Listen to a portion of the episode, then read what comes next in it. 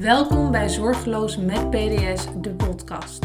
De podcast die je inzicht geeft in darmgezondheid en gerelateerde aandoeningen. Ik ben Koosje, orthomoleculair therapeut en ervaringsdeskundige als het gaat om het prikkelbaar darmsyndroom. Ik heb 13 jaar geleden zelf leren leven met PDS. Hey, leuk dat je luistert naar weer een nieuwe aflevering. Vandaag gaan we het hebben over supplementen. Ik uh, kwam namelijk een berichtje tegen vanochtend op LinkedIn en daar was een hele discussie onder ontstaan over het dan wel niet innemen van supplementen. En vooral eigenlijk over hoe nuttig is dit en is het eigenlijk niet één grote marketingstunt van supplementenfabrikanten om geld te verdienen.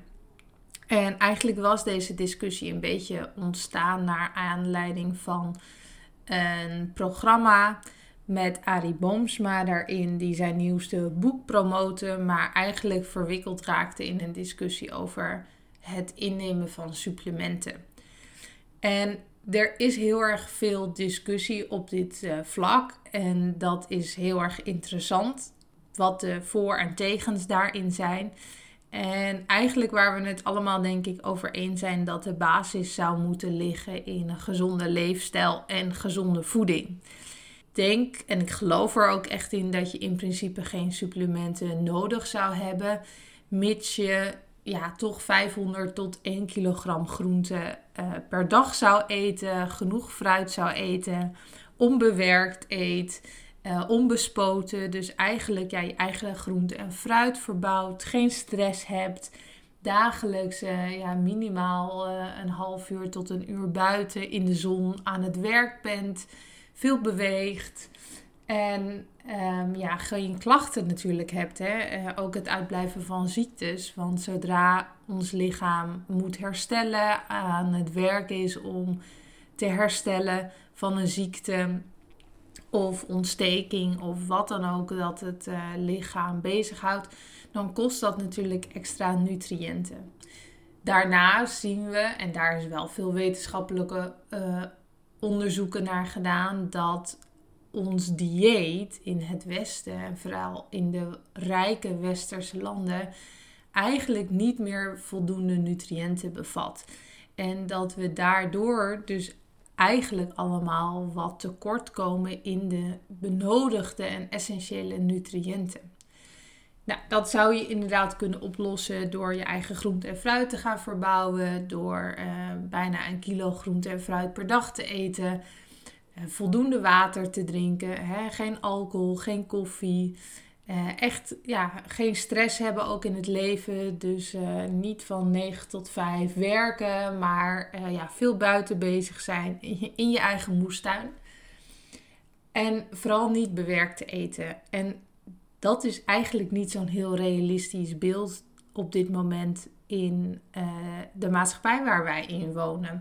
En dus zien we steeds vaker dat toch mensen tekorten oplopen uh, van bepaalde vitamines en mineralen. En dit testen we in het bloed. Dus we kijken als we spreken over tekorten niet over uh, of we denken of vermoeden dat mensen tekort hebben, maar echt door het doen van een bloedonderzoek. Hè, ook een bloedtest die bij je huisarts gedaan kan worden of in het ziekenhuis. En daar zien we toch steeds vaker dat mensen wat lagere waardes hebben dan optimaal gezien is. Nou, dan zou je dus kunnen denken aan het suppleren. Hè? Bijvoorbeeld vitamine D. Ja, je kan wel tegen mensen zeggen, ja, je hebt een te lage status. Dus ga maar een half uur tot een uur per dag buiten zijn, in de zon zitten, zonder zonnebrand, zonder uh, kleding die het bedekt. Maar in de maanden van oktober tot en met maart is eigenlijk de sterkte van de zon ook niet toereikend genoeg voor ons om zelf vitamine D te maken. Dus wat doe je dan? Nou, dan is suppletie natuurlijk een uh, ideale oplossing.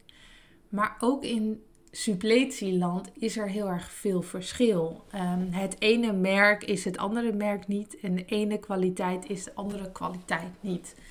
En de kwaliteit van een supplement heeft dus ook te maken met de opneembaarheid van de stof voor het lichaam. En ik denk dat daar ook een deel van de discussie in zit. Dat veel fabrikanten uh, promoten hun product, maar eigenlijk gaat het helemaal niet over de opneembaarheid van zo'n stof in zo'n supplement. Daarnaast, eh, ook een punt dat ik terug zag komen in de, in de discussie, was de interactie of de mogelijke interactie met bijvoorbeeld medicatie. En dat zien we natuurlijk vaak over het hoofd. Kijk, bepaalde basissupplementen in de lage dosering, zoals je die in een multivitamine vindt, hebben nauwelijks interactie met medicatie. Maar zodra je hoger gaat doseren, of zoals wij het eigenlijk noemen, therapeutisch gaat doseren, dan bestaat er zeker wel een interactiemogelijkheid met medicatie die gebruikt wordt. Dus ik ben dan ook altijd heel erg voorstander van: wil je supplementen gaan inzetten? Heb je het vermoeden dat je tekorten hebt en wil je daar wat aan doen? Ga dan niet zelf lopen dokteren of dat je naar een drogist loopt en je daar een mooie aanbieding laat aanpraten. Maar zoek iemand op die er verstand van heeft, die weet hoe het zit met interacties van medicaties en die je daar dus ook echt in kan begeleiden. Dat is eigenlijk essentieel wil je supplementen gaan gebruiken. Ik denk dat het een hele mooie toevoeging kan zijn op de levensstijl die wij momenteel hanteren. Maar je moet er wel wat van afweten. Het is niet zo dat alle supplementen gebruiken per se onschadelijk is.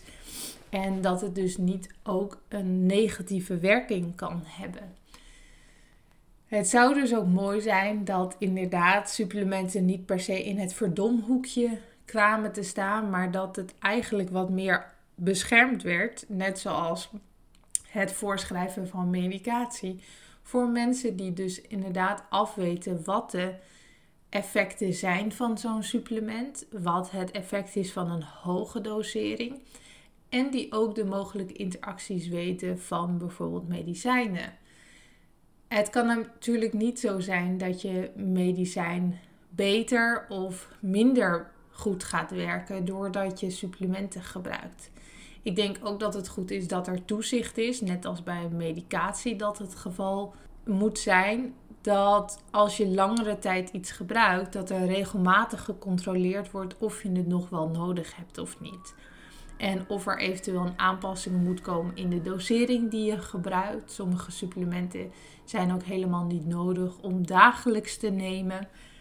En op die manier denk ik dat we voorkomen dat er mensen onbedoeld supplementen nemen, dat er interacties ontstaan en dat we daarmee ook voorkomen dat supplementen alleen maar in het verdomhoekje staan.